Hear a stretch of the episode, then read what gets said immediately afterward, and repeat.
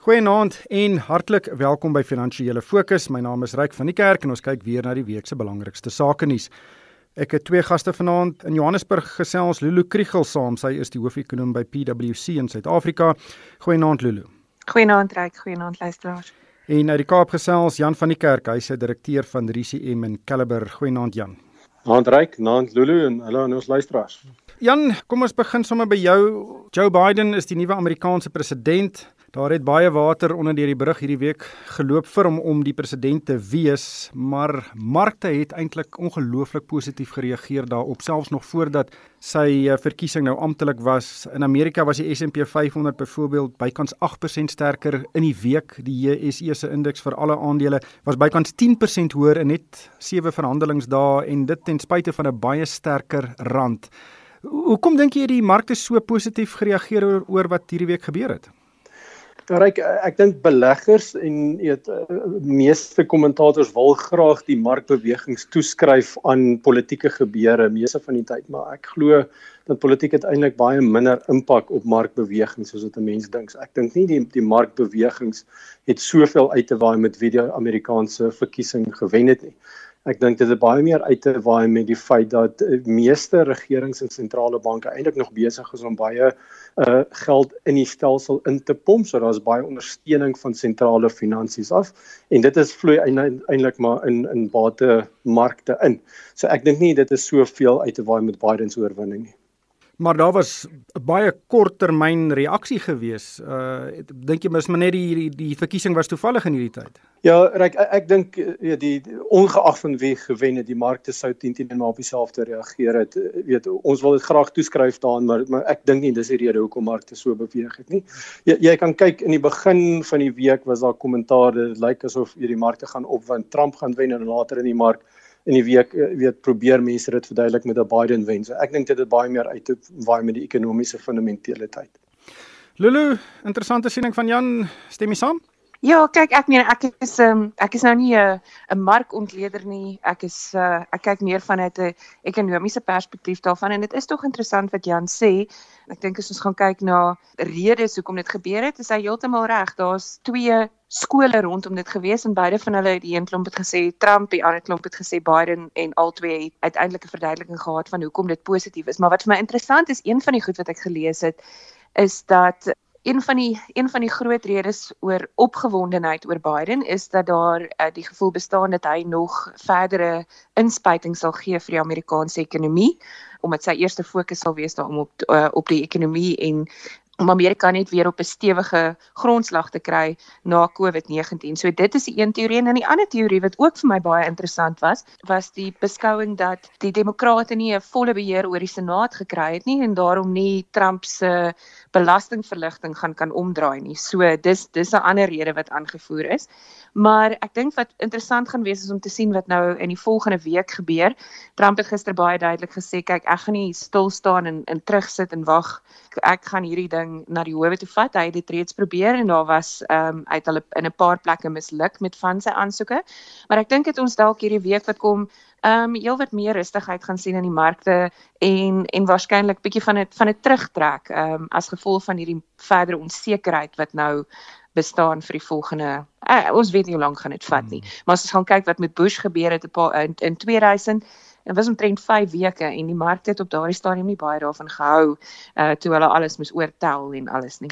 Lulu, ek bly sommer by jou want ek dink die die die waarde van die dollar is ook baie interessant. Daar's baie uh, ekonome wat sê dat die die die dollar kan nie so erg verswak onder 'n Biden administrasie as onder 'n Trump administrasie nou. nou ek weet dit is seker nou maar net spekulasie gewees uh, voor die verkiesing. Kyk, as die as die waarde van die dollar uh, verander, kan dit 'n groot impak reg oor die wêreld hê en ook in Suid-Afrika natuurlik. Maar ons het nou gesien dat die die rand het wesentlik versterk weens 'n swakker dollar nadat dit begin lyk het asof Joe Biden die presidentskap sou wen.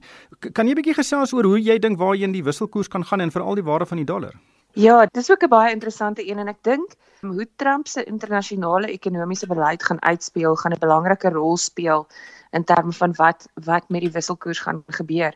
Ehm um, hy was in die begin van die hele oploop tot die verkiesing en en sy hele regmaak daarvoor toe hy nou nog as kandidaat gestaan het byvoorbeeld baie meer gematigd in sy uitgangspunt rondom China.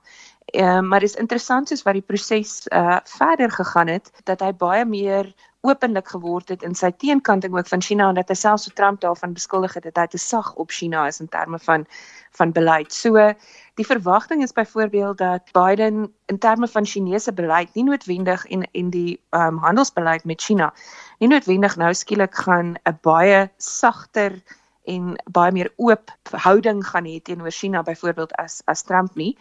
Maar die maar die gevoel is dat hy gaan moontlik teruggaan na meer tradisionele maniere van dinge doen, um op die meer tradisionele maniere onderhandel. Dit wat die wêreld half gewoond is van die FSA en die manier hoe hulle dinge hanteer en ek dink oor die langtermyn kan dit uh positief wees vir die dollar daardie beleidsekerheid en, en net net teruggaan na al wat almal gewoond is eh, van die manier van waarop die FSA dinge doen.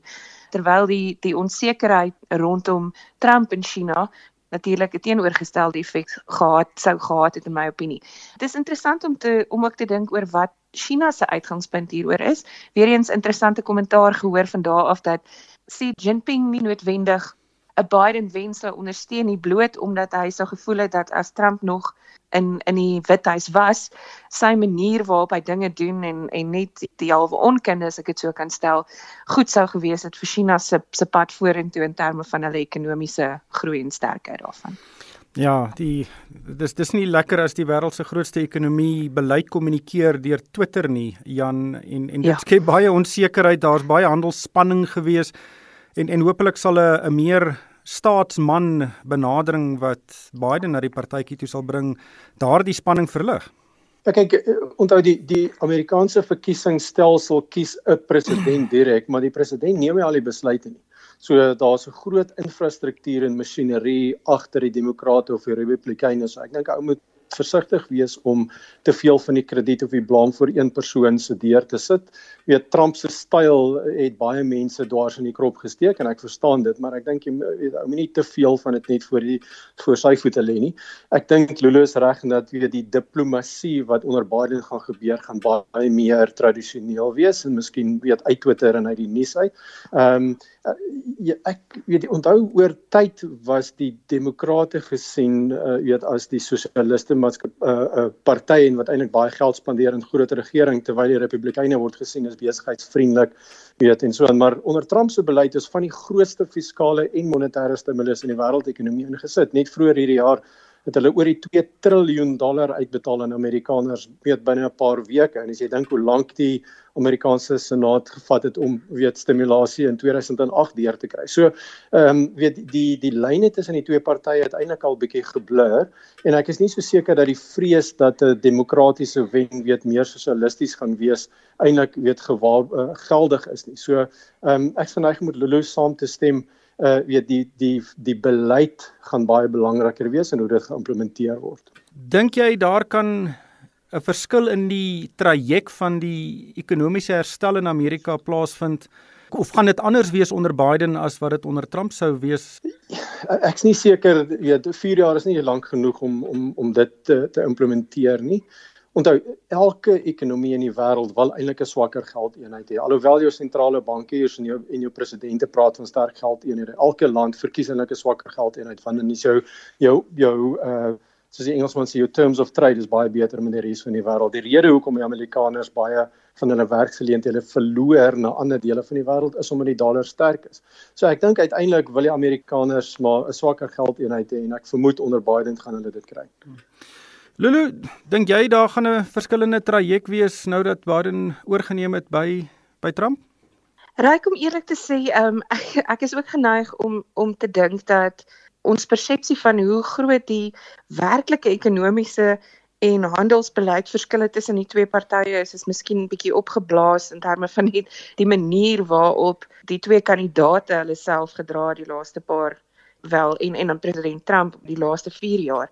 En eintlik is is beide van hierdie partye en en veral onder Biden, ek dink van die ander kandidaate het baie meer linksleunende beleid gehad as wat Biden byvoorbeeld het.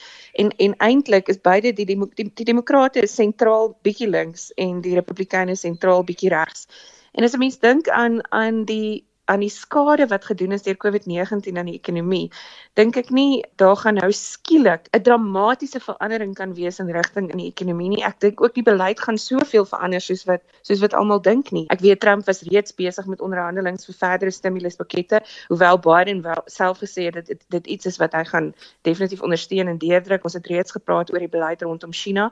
So ek dink nie dit gaan noodwendig 'n verskriklike drastiese verandering onmiddellik wees nie. Ek dink een van die groot goed wat wat ek dink en en persoonlik oor opgewonde is wat Biden gesê het hy gaan doen is om weer die Parys ooreenkoms rondom klimaatsverandering uh te ratifiseer en te sê dat dat Amerika deel is daarvan, maar werklike ekonomiese verskil, miskien rondom die hantering van COVID-19 kan daar verskille wees, maar ek dink ook nie Biden is een wat noodwendig drastiese lockdowns in die ekonomie gaan implementeer nie. Ons is nou al klaar so ver op hierdie pad af. As ek miskien kan bykom, ek dink weet as die president van die federale reserve verander, is daar baie groter kans dat uh, beleid verander as wat die president van die land verander. Ja, dit is ja. interessant. Het uh, Joe Biden al COVID-19 onderlede gehad?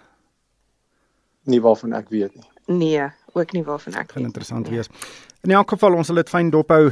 Dan Jan, uh, 'n uh, baie interessante internasionale storie was die moontlike notering van die Jack Ma besigheid Ant. ANT, dit sou die grootste notering, ek dink op rekord gewees het. Hulle sou omtrent 37 miljard dollar ingesamel het.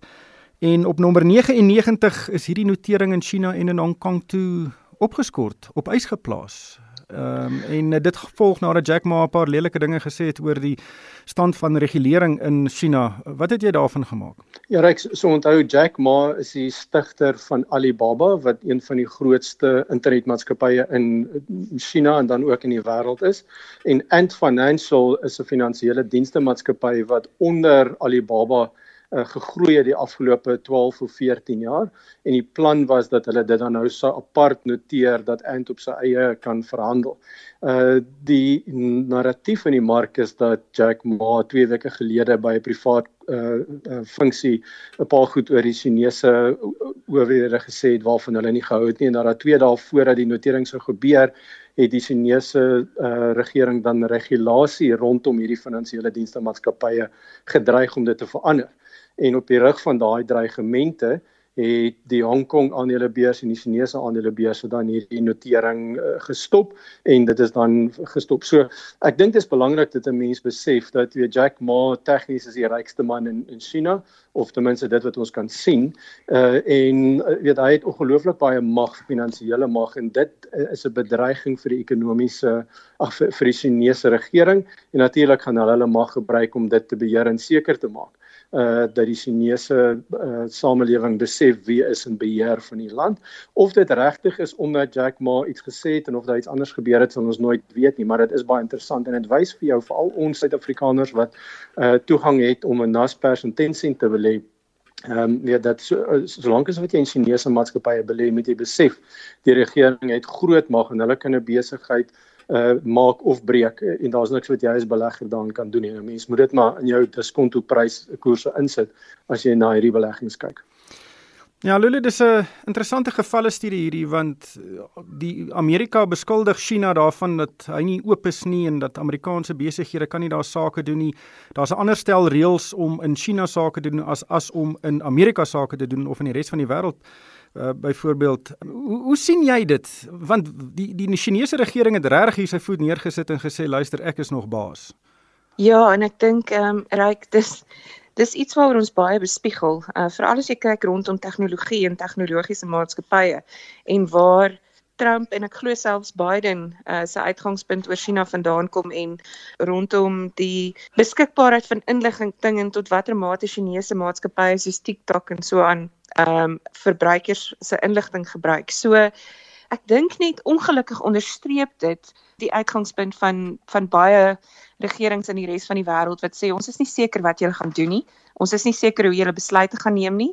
En uh ja, selfs in die privaat sektor as die regering besluit hulle sit hulle voet neer dan doen hulle dit. Maar wat interessant is hier is ehm um, as 'n mens gaan kyk na die regulasies en die verandering het het maar probeer om hierdie maatskappy te te posisioneer nie as 'n finansiële dienste maatskappy nie, maar eerder 'n tegnologie maatskappy wat finansiële dienste tot 'n mate verskaf. So hy het van die regulasies, ek sal nie sê probeer omseil nie, maar hy het anders probeer posisioneer en dit is nou juist lyk like my waar van die voet neersit vandaan gekom het om te sê maar wag, jy moet hierdie reëls en regulasies nakom en nie net wat jy dink eh, jy moet nakom nie. Jan dan net laastens uh, ook 'n interessante nuus storie was Aspen wat 'n eh, voorlopige ooreenkoms met Johnson & Johnson gesluit het om hulle COVID-19-enstof hier in Suid-Afrika te vervaardig by hulle fabriek daar in Port Elizabeth. En dit wys jou nog daar is baie goeie vaardighede in Suid-Afrika. Daar is sulke transaksies wat nog kan plaasvind en is eintlik 'n groot pleintjie vir ons. Dis reg jou weet Steven Saad wat die uitvoerende hoof van uh van Aspen is, is al vir jare onder druk omdat hy aanhou om hierdie fabriek in die Oos-Kaap aan die gang te hou en te gebruik.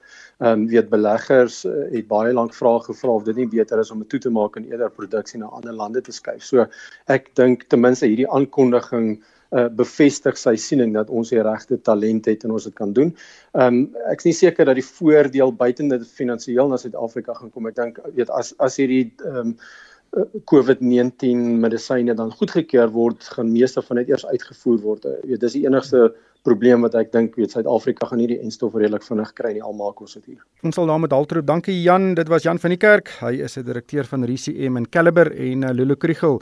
Sy is die hoofekonoom by PwC in Suid-Afrika het ook saamgesels. Dankie aan julle bydraes vanaand. En vir my Ryk van die Kerk, dankie vir die saamluister en ek koop almal 'n winsgewende week.